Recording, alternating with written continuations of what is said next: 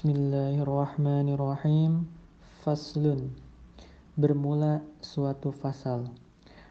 Tentang apa? Walladhi yujibul ghusla. Sesuatu yang mewajibkan mandi. Hal-hal yang mewajibkan mandi. Mandi maksudnya yaitu adalah mandi besar atau mandi janabah yang mana secara bahasa bermakna mengalirnya air pada sesuatu secara mutlak atau secara syariat Islam adalah mengalirnya air ke seluruh badan disertai niat tertentu yang mana pada kali ini adalah niat mandi janabah atau mandi junub. Ada berapa hal-hal yang mewajibkan seseorang mandi mandi janabah? Sit sittatu asya'a ada enam perkara ada enam perkara yang mewajibkan seseorang wajib mandi salah satu salah satun tashtariku fi rijal wan nisa'u. Yang mana tiga perkara awal itu berlaku untuk laki-laki dan perempuan. Keduanya sama berlaku.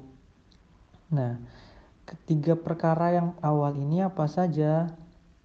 Wahia at altiqa'u iltiqa'u uh, altiqa'ul khitanaini.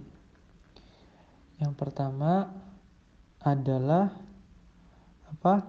Bertemunya dua khitan atau dua kelamin yaitu berjima. Maka hal tersebut mewajibkan seseorang untuk mandi.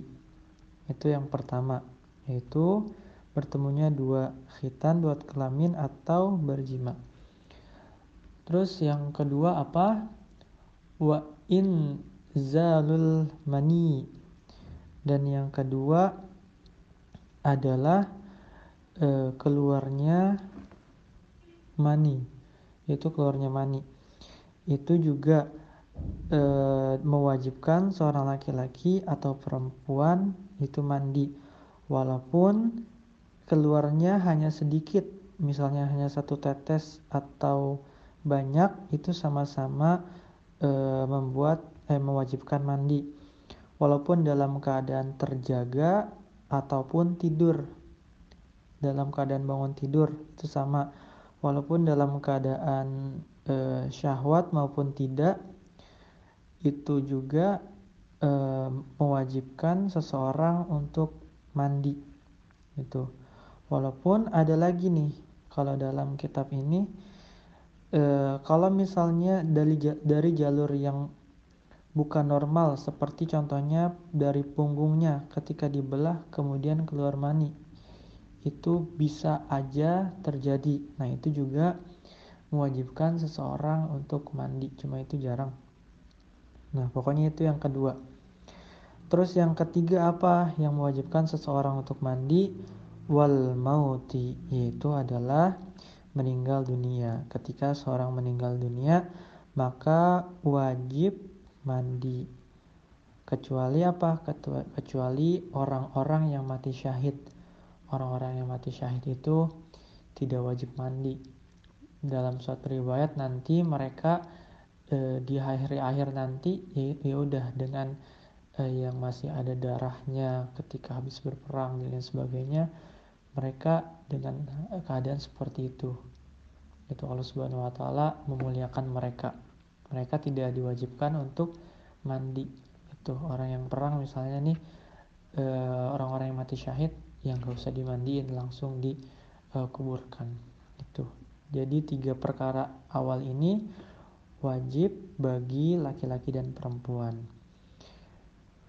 Nah, salah satu uh, salah satu tahassu bihan nisa'i. Terus selanjutnya tah tahtasu bihan nisa'u. Nah, tiga perkara ini cuma uh, khusus buat uh, perempuan doang.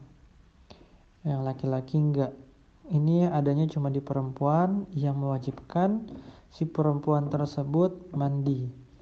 Yang pertama apa? Yang pertama adalah wahia al haizu yaitu haiz. Maksudnya darah yang keluar dari seorang wanita yang telah mencapai usianya. Biasanya paling eh, paling mudanya 9 tahun. Itu ketika sudah eh, haid maka wajibkan mandi. Nanti akan ada pembahasan khusus mengenai haid tersebut terus yang kedua apa? Wan nifasu. Yang kedua adalah nifas yaitu darah yang keluar setelah melahirkan. Nanti juga ada pembahasan tentang nifas. Dan yang ketiga apa? Wal wiladah itu darah wiladah. Nah, kalau darah wiladah itu adalah yang ketika melahirkan, pas banget ketika melahirkan. Itu darah wiladah. Maka wajib perempuan tersebut e, mandi.